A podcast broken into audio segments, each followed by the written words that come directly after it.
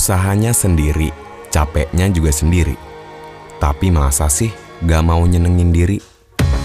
Menghabiskan gaji untuk diriku sendiri Gak usah keseringan, cukup sesekali. Kan kemarin kita udah sempet jatuh bangun. Nah, sekarang giliran senengnya yang kita susun. Gak apa-apa kok, asal kita tahu batasnya. Ada orang yang pernah bilang, kalau kerjaan bikin kita capek, minimalnya kita bisa seimbangin. Ya contohnya yang tadi, berbaik hati. Jangan cuman ngasih makan ego doang, sampai badan kita ngerasa nggak enak, terus ujung-ujungnya kita nggak bisa bergerak.